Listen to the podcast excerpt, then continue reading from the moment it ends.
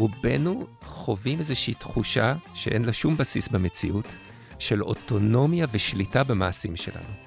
אנחנו חושבים שכשאנחנו פותחים את המחשב או את הנייד, או בכלל בחיים שלנו, אנחנו פוסעים על שביל שבחרנו לכיוון שבחרנו. בפועל, ההפך הוא הנכון, בעיקר בתחום הדיגיטלי.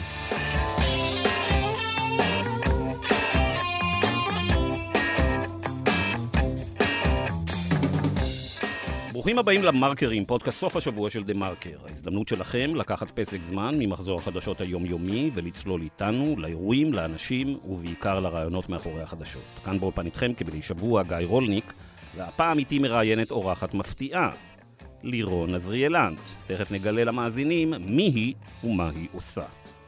שמענו בפתיח את פרופסור אריאל אזרחי, פרופסור להגבלים עסקיים, ראש המכון להגבלים עסקיים באוניברסיטת אוקספורד, ומחבר הספר כיצד ענקיות הטכנולוגיה מנפצות את החדשנות, וכיצד להכות בהן בחזרה.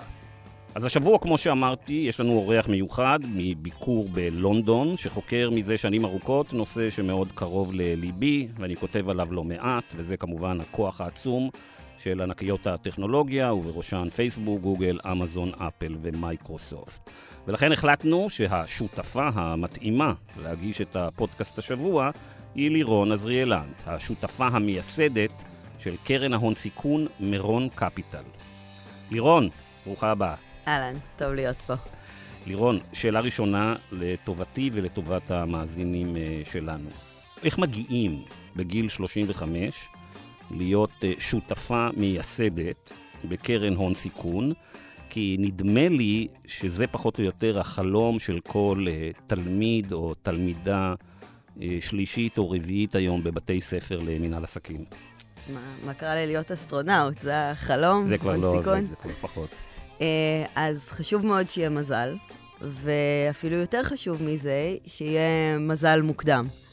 לא, אבל בכל הרצינות, אז uh, אני התחלתי במסלול uh, מאוד טכנולוגי, אני הייתי, uh, את התואר הראשון שלי עשיתי במתמטיקה פיזיקה, התחלתי במסגרת תוכנית תלפיות וסיימתי אחרי זה מחוץ לה. Uh, עבדתי בהתחלה על פרוטוקולי תקשורת, הייתי מתכנתת, ואז uh, דווקא מתוך רצון להעמיק יותר בטכנולוגיה, הלכתי לעשות תואר שני ב-MIT. בהתחלה רציתי לעשות תואר uh, רק במדעי המחשב, תואר שני. אז החלטתי לשלב את זה עם uh, מנהל עסקים, ובאופן קצת אירוני, זו הייתה הפעם האחרונה, ש... שורת קוד האחרונה שכתבתי, כתבתי במהלך ה, אה, הלימודים שלי שם, כי אה, אחרי התואר במנהל עסקים, קצת התאהבתי בעולם של הייעוץ אסטרטגי, אולי אפשר להגיד קצת התלהבתי מייעוץ, וקצת אה, ללכת לייעוץ אסטרטגי זה מה שאתה עושה כשאתה מסיים שנתיים של business school ואתה עדיין לא יודע מה לעשות כשתהיה גדול. וזה די פתח לי צוהר להמון המון עולמות, וב Bain and Company, ששם עבדתי באטלנטה, החלטתי להתמקד דווקא ב private equity. בעצם ב... קרנות השקעה פרטיות. אה, נכון. אז במקום, אה, כשאתה עושה ייעוץ אסטרטגי, אתה מייעץ לחברה על איזושהי בעיה עסקית שיש לה, על איזושהי סיטואציה. אה, כשאתה מתמחה ב private equity, בקרנות השקעה, אתה מייעץ לחברה רוכשת, האם לקנות או לא לקנות את החברה הנרכשת. וזה כבר מאוד קרוב להשקעות הון סיכון. עשינו כעשרה פרויקטים במהלך אה, קצת פחות משנתיים. אה, הרכישות היו זה פחות מה שרואים היום באקוסיסטם הישראלי. האם לקנות רשת מוסכים, האם לקנות אה, חברת השמה של רופאים ואחיות, תעשיות שאפילו לא ידעתי שהן קיימות אה, עד, עד שאתה מגיע לעשות את הפרויקט. ואז משם באמת uh, התמקצעתי בעולם הזה, אבל גם רציתי לחזור לארץ, וגם מאוד מאוד נמשכתי לשלבים הראשוניים ולהשקעות היותר ראשוניות, פחות לקנות חברה גדולה. אז כשחזרתי לארץ הצטרפתי ל Blumberg Capital, בהתחלה כ... שזה קרן הון סיכון. כן, קרן הון סיכון שנוסדה בסן פרנסיסקו, והייתי principal, שזה בעצם אה, מנהלת השקעות בכירה, אבל לא, לא שותפה. שם גם פגשתי את דניאל רודיטי, שזה השותף שלי, עוד פעם, אה, מקומות שחשוב שיהיה לך בהם אה, מזל.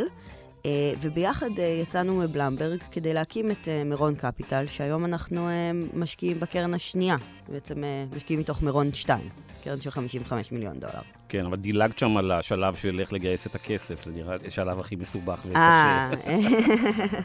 דופקים על אלף דלתות, ואם יש לך מזל אז 50 נפתחות.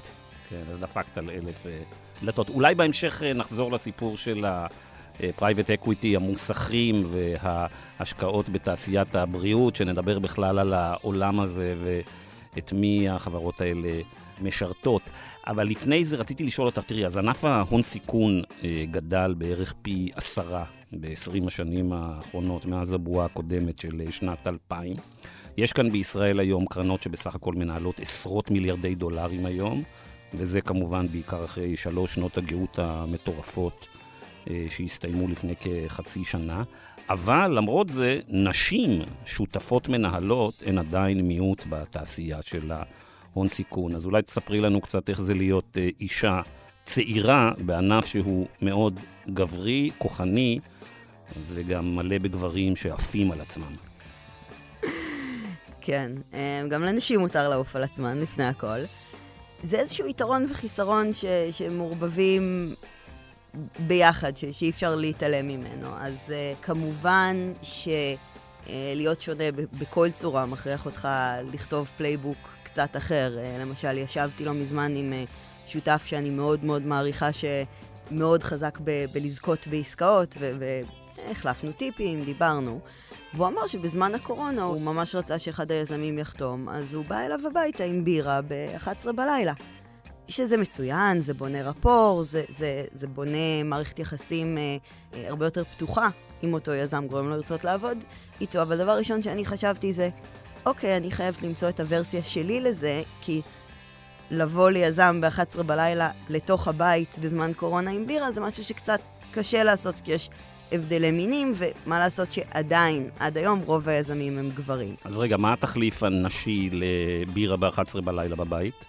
הרבה פעמים קפה ב-11 בבוקר. אבל זה הגברים גם יודעים לעשות. זה, זה, זה נכון, אני מודה שספציפית לזה עוד לא, עוד לא מצאתי את המקבילה, אבל, אבל מצד שני, גם הרבה זה שאתה שונה, אולי, אולי היתרון המקביל שלי זה שבהגדרה יש לי פרספקטיבה אחרת. אמ, ואגב, הרבה פעמים דברים שניסינו לעשות זה בוא נשב לארוחת ערב, אני, בעלי, אתה ואשתך. לפעמים אה, אה, מוצאים את הדרך למצוא את ה... את הוורסיה שלך לזה. את יודעת, יש לי חברה uh, טובה שיחד עם uh, בעלה uh, הקימה סטארט-אפ שהפך לחברה שנמכרה ביותר ממיליארד דולר. Uh, והיא תמיד מספרת לי שוב ושוב על הפגישות שלה עם uh, קרנות הון סיכון, שהיא ובעלה נכנסים לחדר, וב-90% מהמקרים השותפים, הגברים המנהלים של קרנות ההון סיכון, כמעט מתעלמים ממנה, היא שקופה בחדר, למרות שברור לחלוטין שהם שני יזמים שמחזיקים באותו אחוז אה, מניות. זה קרה גם לך שנכנסת לחדרים והרגשת שאת שקופה בגלל שאת אישה? אתה יודע כמה פעמים שאלו אותי מתי לירון יגיע? אז... כן, אז החלום שלי זה פעם אחת אה, לתת ליזם לשבת, להגיש לו קפה ולהגיד לו, היי, טיפ קטן על לירון, הוא מאוד אוהב שעושים עליו מחקר כמו שצריך אה, לפני הפגישה, אז אה, בזמן שאתה מחכה פה תשתה את הקפה, תעשה עליו קצת גוגל. הבנתי. טוב, לירון, לפני שנזמין לשיחה את האורח שלנו, אה, פרופסור אה, אזרחי, בואי נדבר שתי דקות על אי אפשר שלא, על ענף ההייטק הישראלי. ואני אתחיל איתך בשאלה הזאת. בשנים האחרונות, בעקבות הגאות הפיננסית האדירה בוול סטריט, וגיוסים של עשרות מיליארדי דולרים, ההייטק נראה יותר ויותר כבועה שמנותקת מהכלכלה הישראלי. גיאוגרפית נמצאים כאן כמובן מאות אלפי עובדים, אבל רובם, בעיקר הצעירים שבהם, מרגישים שהם בעצם חיים במקום אה, אחר. אז נניח, כמה למשל לדעתך מעסיקה הפוליטיקה הישראלית, את העובדים הצעירים ש... שאת פוגשת בחברות הפורטפוליו אה, שלך? זה נראה לפעמים כאילו דור שהוא ממש אה, א-פוליטי. אני חושבת שאנשים מאוד נזהרים לכאן או לכאן. העולם הדיגיטלי, ואני בטוחה שאריאל אה, יוכל לדבר על זה יותר באריכות, אבל יצר מצב שאין לאן להתחבא. האישיות שלך, כשאתה בבית כותב פוסטים בפייסבוק, או אפילו צועק על מי שחסם לך את החנייה, היא מגיעה כמעט באופן מלא עד המעסיק שלך. אז זה נוצר מצב ש, שכן, ש, שמנסים קצת להגיד את הדברים היותר מיינסטרים, להיות... אה, לא, לא לקחת סטייק אה, קשוח מדי כדי לא לשלם את המחיר העסקי על זה, מצד אחד. מצד שני, אנשים מבינים שזה משפיע עליהם, ואני לא חושבת רק כלכלה פנים-ישראלית, אלא, אלא גם כל מה שקורה בעולם באופן כללי. אי השוויון הפך להיות כל כך משמעותי שממש מרגישים את זה ברחוב, מרגישים את זה בתל אביב אפילו, מי שיכול להרשות לעצמו להישאר בעיר ו- ומי שחייב לזוז. ו- ואני, ההרגשה האישית שלי זה שזה פוגע בחברה. אז אני חושבת ש- שאנשים רוצים, ואולי קצת זהירים לדעת איך הם לוקחים את הדרך הזאת, איך הם עושים את זה בלי, בלי לקחת מחיר אישי כבד מדי, או לשים את עצמם יותר מדי באור הזרקורים. יש איזו תפיסה שהדור הצעיר בהייטק אה, דווקא נוטה יותר אה, אה, ימינה בהשקפות החברתיות, פוליטיות, כלכליות שלו. כלומר, הוא מתחבר קצת יותר לתרבות של הסיליקון וואלי. שאומרת, אי שוויון זה לא בעיה, כי אי שוויון זה מה שמצמיח את הכלכלה. אנקדוטלית, מאנשים שאני דיברתי איתם, אני חושבת שזה מיקס אה, בג. הכרתי כאלה, אפילו ליברטריאן, שלא לא להתערב, לא להפריע, חדשנות זה חדשנות, אם מישהו מוכן לשלם על זה, אז זה בהגדרה טוב, כזה, ואפילו מהמנעד השני של זה לא מוסרי להרוויח יותר מדי כסף. אז, ו- וממש ראיתי את כל הספקטרום, ו- ואני יכולה להגיד לך שאני... פוגשת באופן אה, רנדומלי חבר לתעשיית ההייטק, אני, אני לא, לא יכולה לנחש אפילו לא יכולה לדעת מאיפה... אם הוא ליברטריאן או שהוא דווקא יותר כן. סוציאל דמוקרט. אז אה, אני חושב שזה בדיוק הנקודה לפנות לאורח שלנו. מיד מתחילים.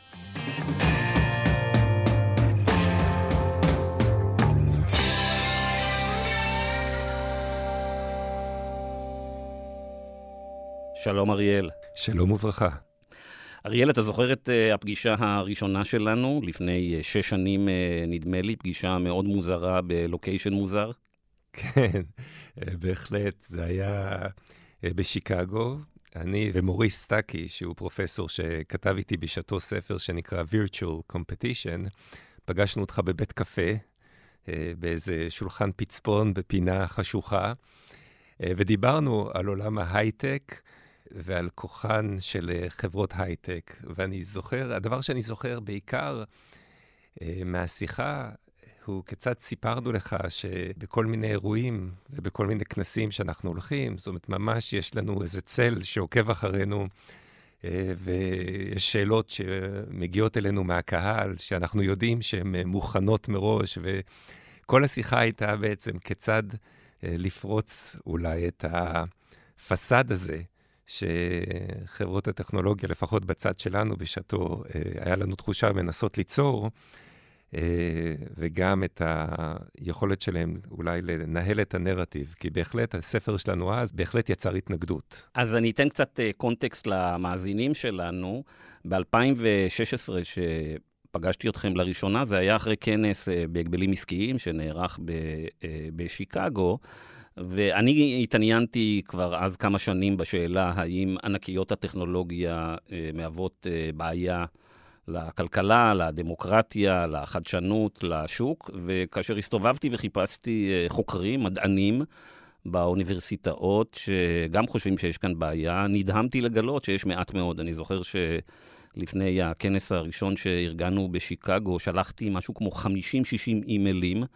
לחוקרים בתחום דאטה סייאנס והגבלים ומחשוב ומה שאתה רוצה, אה, להגיד להם שאנחנו הולכים לעשות כנס על השאלות של אה, תחרות ו...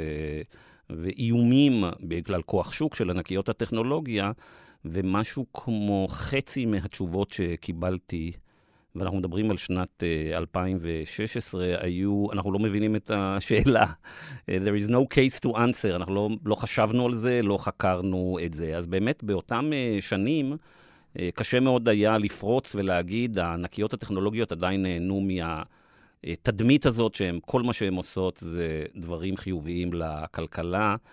ולמרות שכבר היה מאוד, לדעתי, אה, נתונים אמפיריים שהראו על כוח שוק אדיר ועודף ועל נזקים אפשריים, עדיין אה, עולם האקדמיה והמחקר בעצם סירב להכיר בדבר הזה. באותה תקופה, גם היום ברמה מסוימת, לגמרי היה מה שאנחנו מכנים ideological capture. שבו ה... שבי רעיוני. שבי רעיוני, שזה נשמע מאוד יפה באמת. אז, ואותו שבי רעיוני נבע משנים שבהן כוחות מסוימים, אנשים בעלי עניין, חברות בעלי עניין, הזרימו הרבה מאוד כספים לאקדמיה, להדרכות של שופטים, להדרכות של קובעי מדיניות, שבהם הרעיון הכללי הוא, סמכו על השוק, השוק יתקן את עצמו, וגם כאשר אתם רואים עמדת כוח שנראית מאוד יציבה ובעייתית, עדיין disruption, איזושהי חדשנות מעבר לפינה, היא מספיק אימתנית כדי להבטיח שאנחנו כצרכנים, כאזרחים, עדיין נקבל את מה שהשוק מבטיח.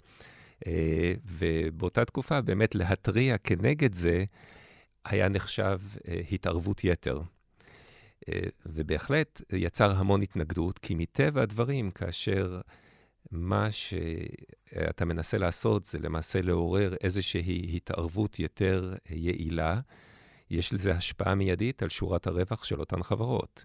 ככל שתהיה יותר התערבות, ככל שיהיה יותר אה, בדיקה של פעולות מסוימות שהן עושות, זה כמובן יכול להשפיע על הרווחיות שלהן, ולכן אה, אולי בשעתו זה קצת הפתיע אותנו גודל ההתנגדות, אבל היום זה כבר נראה לי, זה, זה חלק אה, אינטגרלי מהמציאות. כן, היום אתה כבר מכיר את עולם שבי האקדמיה ושבי החוקרים, אתה מכיר אותו אה, טוב יותר. אה, לירון, תכף ניכנס לרעיונות המרכזיים של אריאל בספר החדש אה, שלו, אבל אני קודם כל רוצה לשמוע ממך, איך את, כמי שנמצאת בעולם ההייטק המון שנים, איך את חווה את השינוי הזה ביחס לענקיות הטכנולוגיה, שבמשך, אני לא יודע מה, 15-20 שנה הם נחשבו רק למנועי הצמיחה, החדשנות, כל הדברים הטובים בעולם.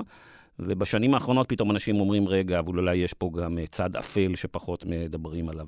אה, אני חושבת שזה איזשהו רעיון ש, ש, שטוב, ש, שהוא נכנס הרבה יותר לאור זרקורים, הרבה יותר למיינסטרים, כי, כי מהצד שלי, אני, אני מרגישה שחווינו את זה, אני חווה את זה בערך מאז ש, שהתחלתי לעשות uh, השקעות הון סיכון, אולי, אולי באמת בלי באופן מובהק לשים על זה את האצבע, ו- ואיך. בדיונים פנימיים שלנו, אתה פוגש חברה והיא נראית מצוינת, וזה נראה השקעה טובה, ואז אחת השאלות שאתה תמיד שואל זה, אבל רגע, אולי זה עסק שרק אחד הגדולים יכולים להקים? אולי זה משהו שהחסמי שה- כניסה אליו הם כאלה ש- שזה לא, לא משהו שסטארט-אפ יכול uh, להקים? ואנחנו התייחסנו לזה במקור כבעיה של משאבים, כבעיה של אולי צריך... Uh, לגייס המון כסף כדי שזה יעבוד, אבל, אבל פתאום יש איזשהו היפוך פרדיגמה של, רגע, אולי מתאים את לוח המשחק בצורה כזאת שעוד ועוד ועוד תחומים נהיים כאלה שרק חברה גדולה יכולה להקים, ו, ו, וזה חבל, כי זה פוגע, פוגע לי ביכולת להשקיע בהרבה חברות מצוינות.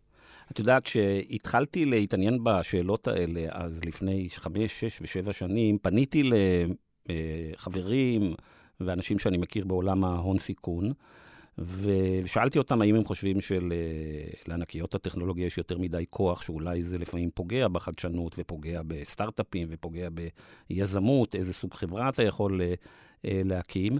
ונניח עד שנת 2018-2019, התשובה שהייתי מקבל שני סוגים של uh, תשובות. או שאנשים אמרו, מה אתה מדבר, מה פתאום, אנחנו הרי מוכרים לחברות האלה את הסטארט-אפים שלנו, והחברות הענק האלה משקיעות בלי סוף בחדשנות, או שהם אמרו לי, תשמע, יש לי דעות בעניין הזה, אבל אני לא יכול להרשות לעצמי לדבר עליהן. והשאלה שלי היא, עכשיו שאנחנו ב-2022, האם שאני מפנה אלייך כאן שאלות לגבי הכוח של החברות האלה, את צריכה מאוד להיות זהירה במה שאת אומרת, כי uh, יש להם כוח אדיר בעולם שלך, ואולי את לא רוצה למנוע מצב שבו זה יקשה עלייך למכור להם מחר את uh, אחד הסטארט-אפים בפורטפוליו שלך. אני חייבת להגיד שבאופן אישי לא חוויתי את זה כמשהו שאסור להגיד, או, או כאיזשהו אה, אה, קרקע מסוכנת. אני, אני מבינה למה בקיצון זה יכול להיות ככה, ובסופו של דבר, כמו שאתה אומר, אי אפשר להתעלם מהערך האדיר ש- שהחברות האלה מביאות.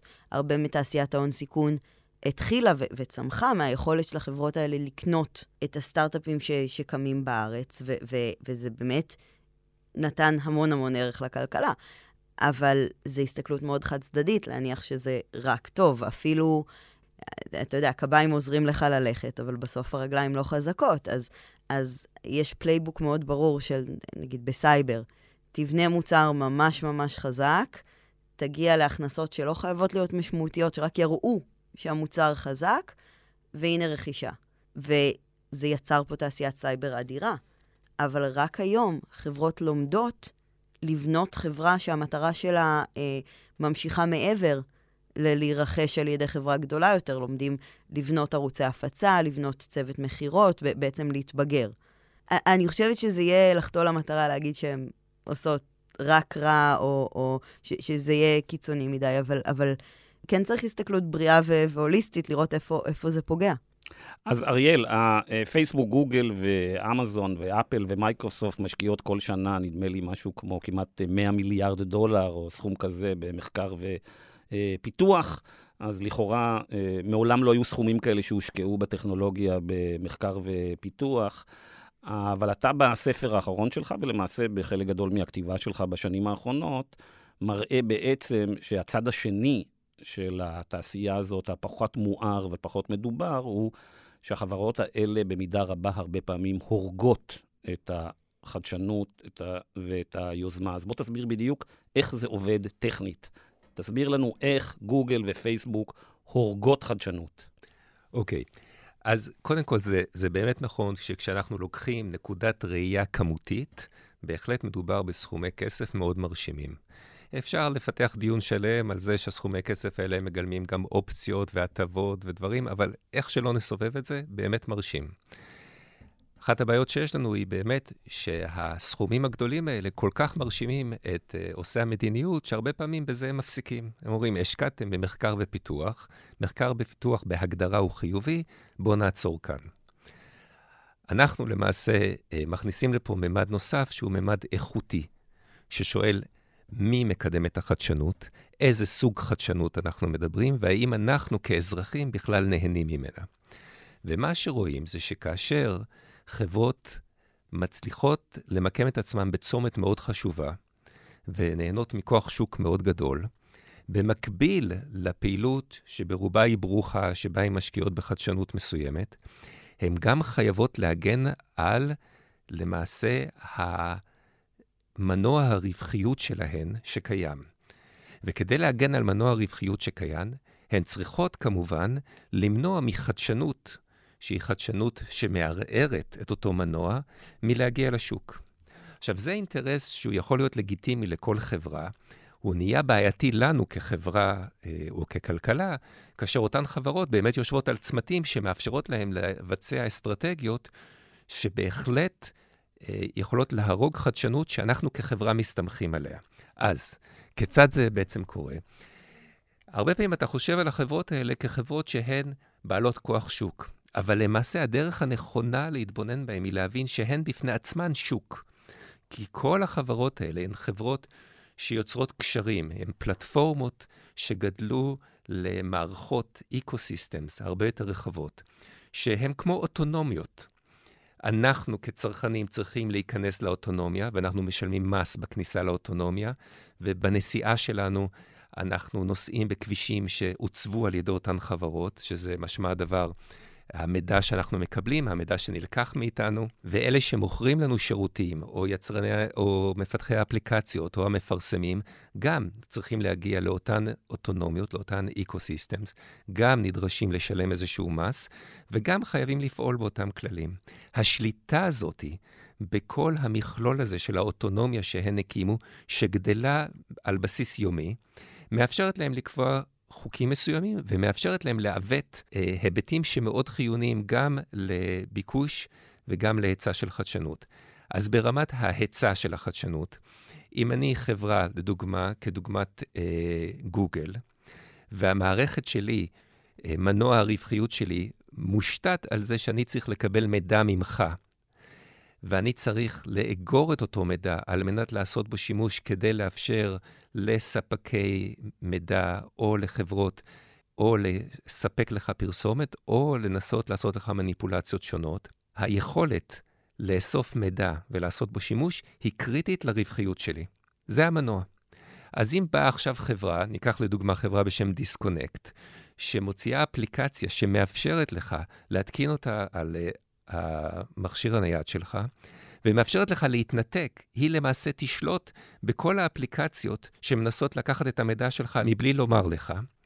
Disconnect היא למעשה עכשיו disruptor, היא נכנסת לאוטונומיה ופוגעת בשורת הרווח.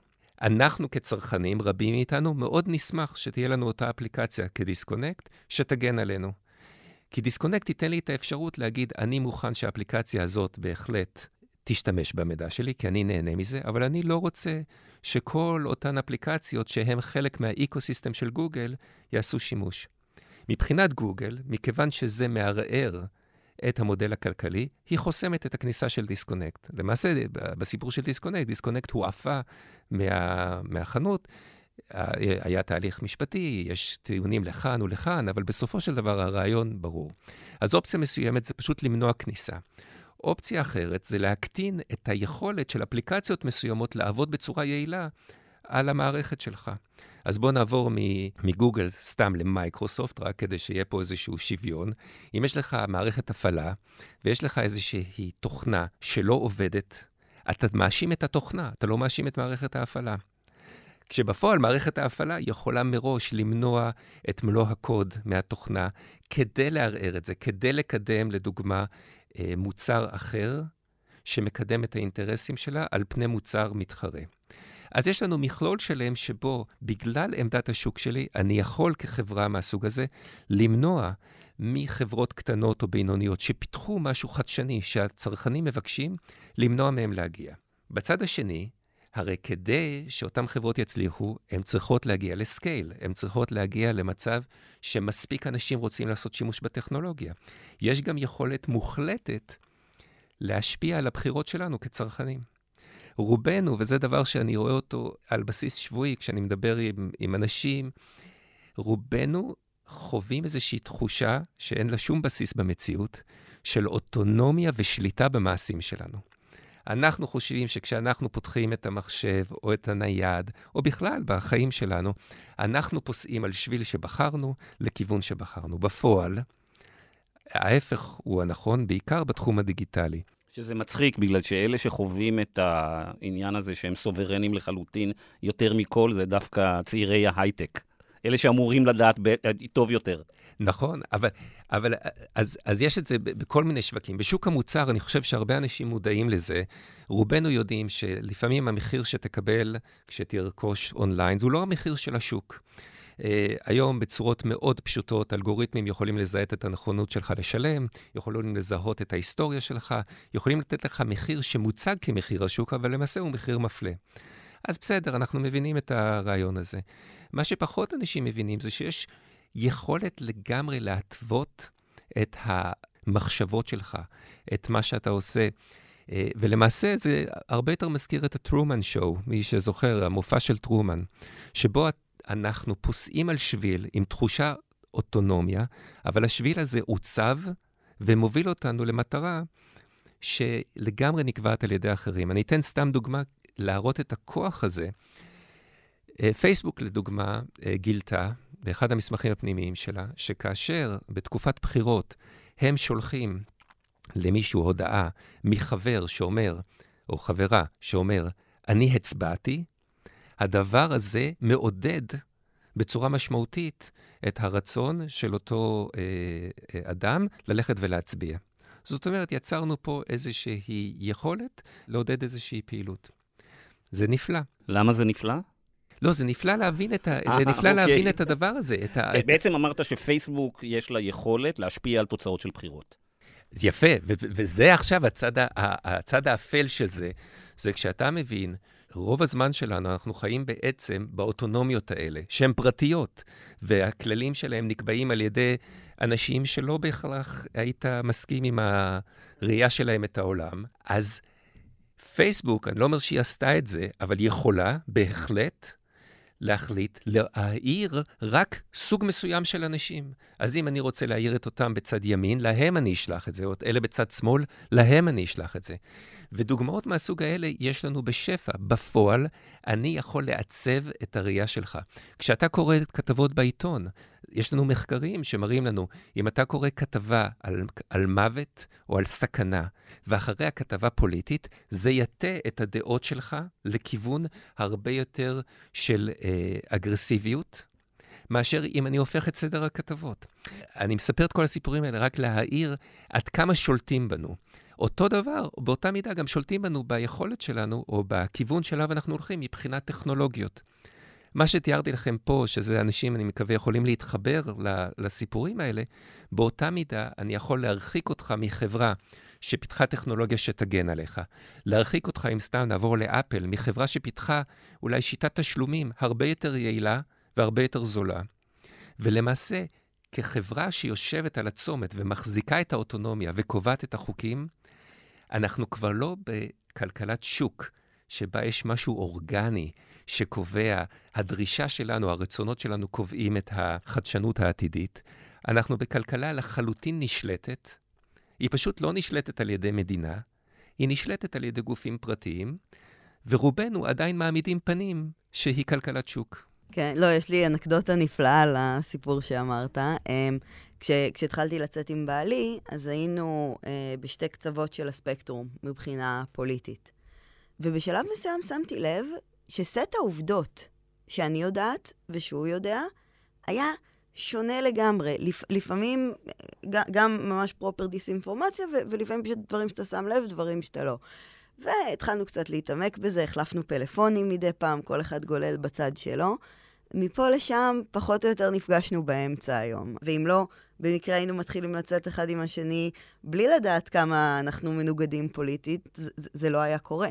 אז, אז פשוט החשיפה לפיד שלו פתחה לי את העולם, ולהפך. אנחנו מדברים על פייסבוק וטוויטר, או רק פייסבוק? בעיקר פייסבוק, ספציפית בטוויטר, כתוצאה מהסיפור הזה. אז כשפתחתי את uh, חשבון הטוויטר, ניסיתי ממש בכוונה לעקוב אחרי האנשים הכי מנוגדים, כאילו, ליצור פיד הופכי, אבל הוא עלה עליי. הם, uh, קיבלתי את הפיד שלי ולא את הפיד ההופכי. מה המטרה של האלגוריתמים האלה? וזה משהו שאנחנו גם מדברים עליו, כי זה האפקט של היכולת למנוע חדשנות מהסוג שעוזר לנו, ורק להאדיר את אותה שורת הרווח, יוצר מצב שזה הדבר הדומיננטי היום. ומה בעצם הרעיון? האלגוריתם בנוי בצורה כזאת שמטרתו היחידה היא לעורר engagement, עניין ותגובה.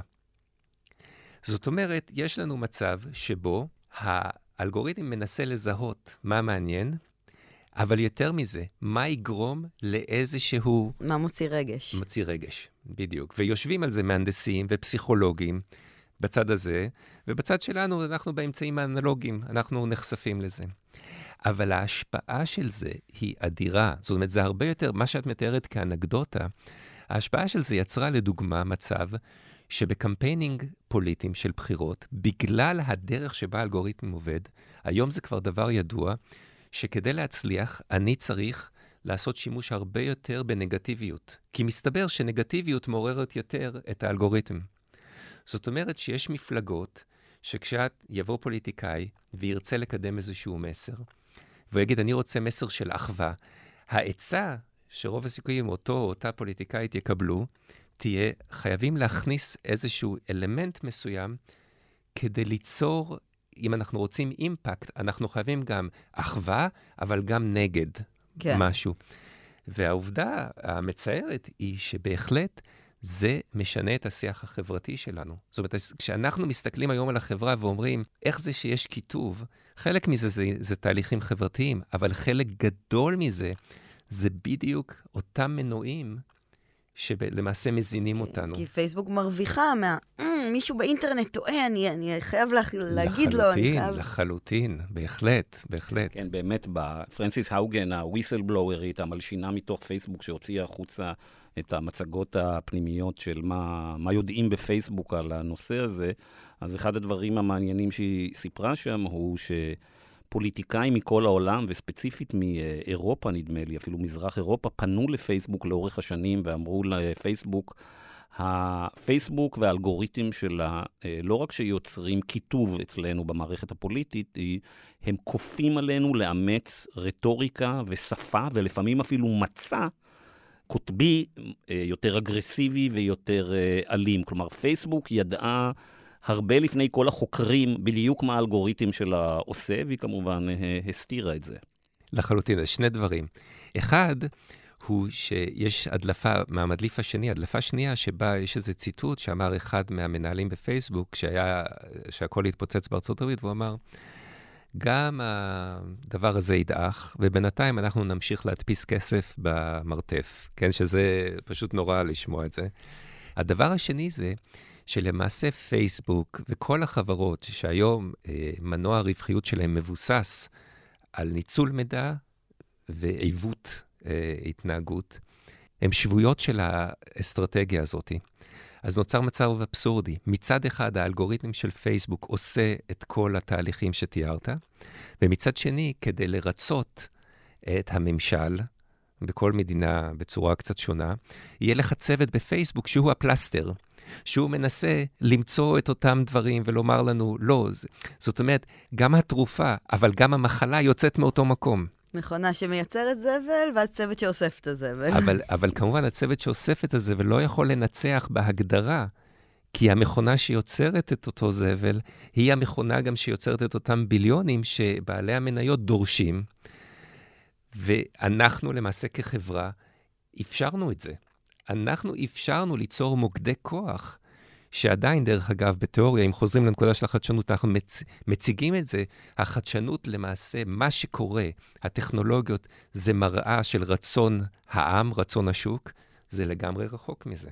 אין בזה ובין מה שמשרת אותנו כחברה אה, דבר. ما, מה באמת תגיד על הדעה, שאגב, אני לא, לא שותפה לה, אבל שמעתי, כאילו ה-AI או האלגוריתם הוא האלגוריתם, ובסופו של דבר פונקציית המטרה שלו זה זה engagement, ו... ואם זה מה שהציבור רוצה, אז אולי הציבור אשם, לא, לא רק המכונה ששמה על זה זרקור. א', זה לא מה שהציבור רוצה. אז זו הטעות הראשונה. הטענה שזה מה שהציבור רוצה, יוצאת משימוש באיזושהי מנטרה שאומרת, הדרך שבה השוק מתפתח מבטאת את הרצונות, את הביקוש ואת ההיצע. אני מדברת אפילו ברמה הפרטנית, שאם אני בוחרת אה, להגיב לטרול שאמר משהו קיצוני ולא למנהיג שאמר משהו מאחד, אז אולי אני כצרכנית בחרתי שאני רוצה יותר טרולים ופחות uh, מאחדים.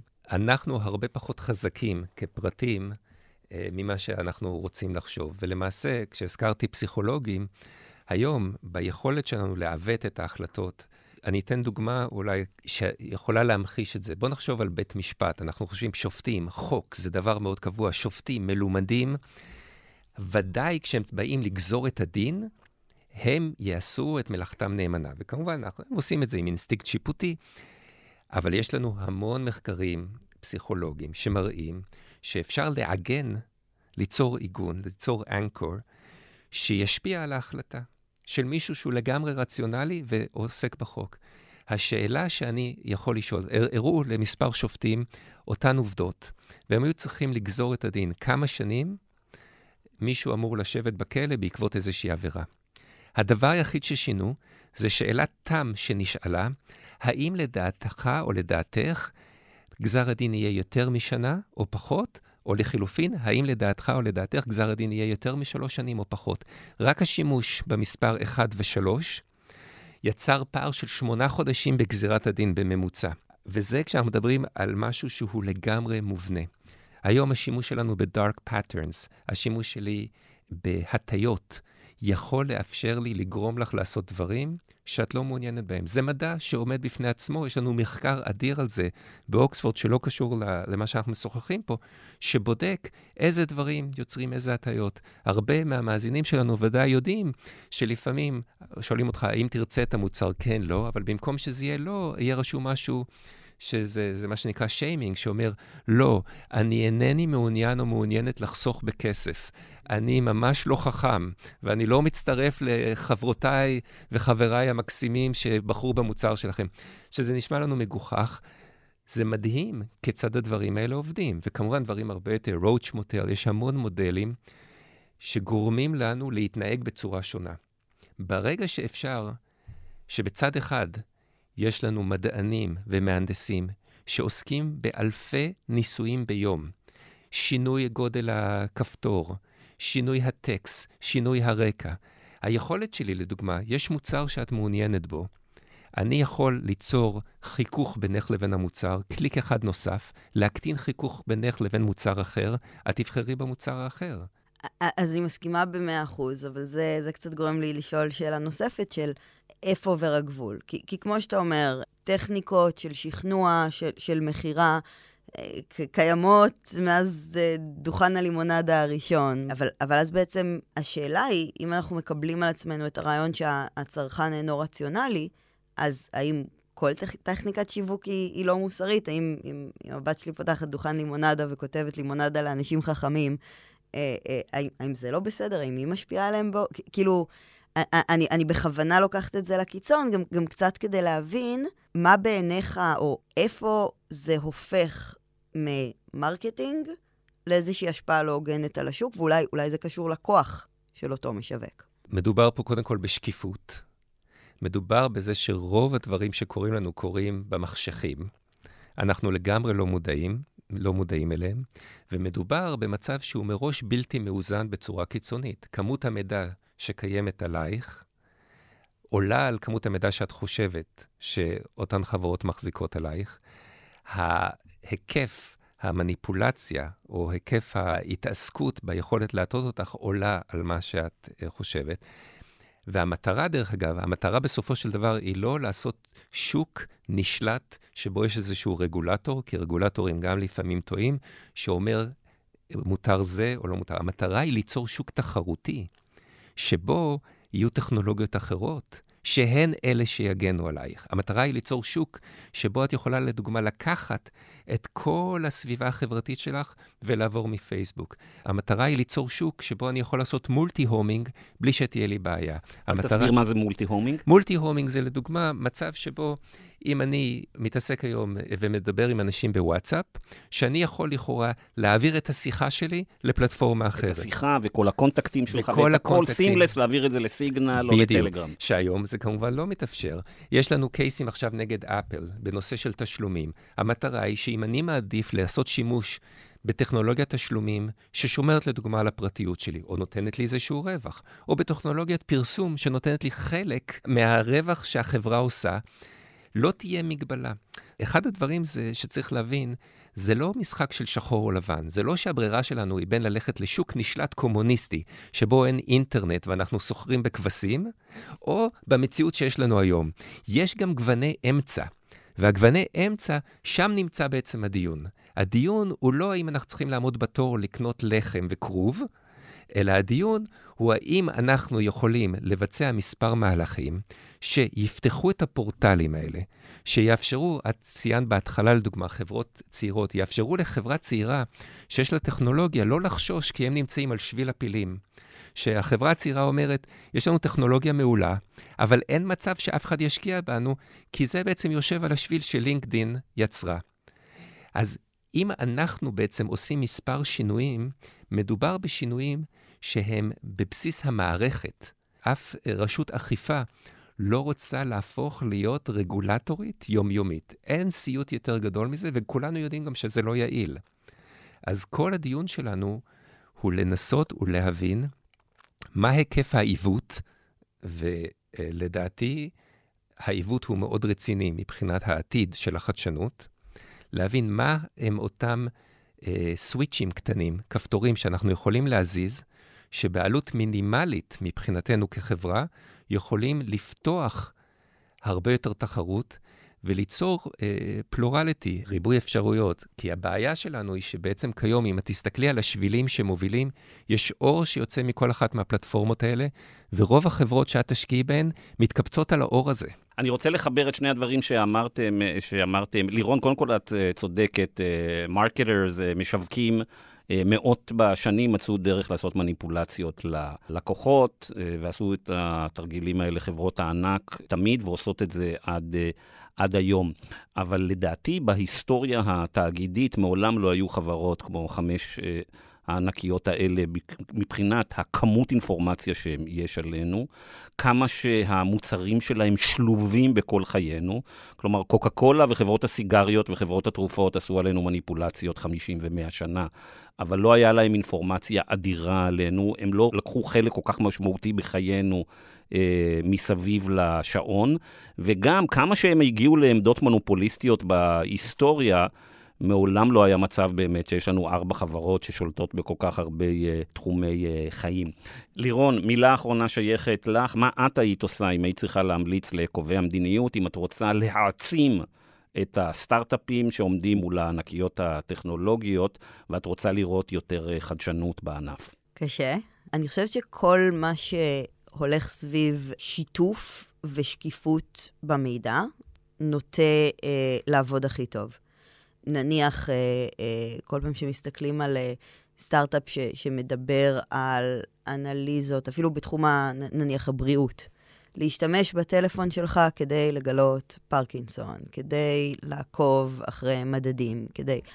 כל סטארט-אפ שאי פעם ראיתי אה, יוצא בתחום הזה, תמיד השאלה היא איזה מידע יש לך שלאפל אין. ואם תהיה ecosystem שהיא בהגדרה פתוחה והיא חייבת בהוראת הצרכן לחלוק את כל המידע שיש לו אה, עם, עם כל החברות, אז חברות יוכלו להתחרות על האלגוריתם ולא על מי מחזיק את המידע.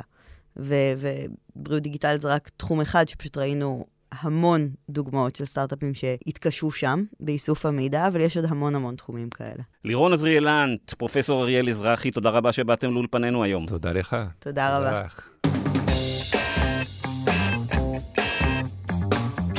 עד כאן המרקרים להשבוע. תודה רבה לדן ברומר, העורך האגדי, ולאסף פרידמן המפיק. תודה ללינור עזריאלנט ולאריאל אזרחי. להתראות בשבוע הבא.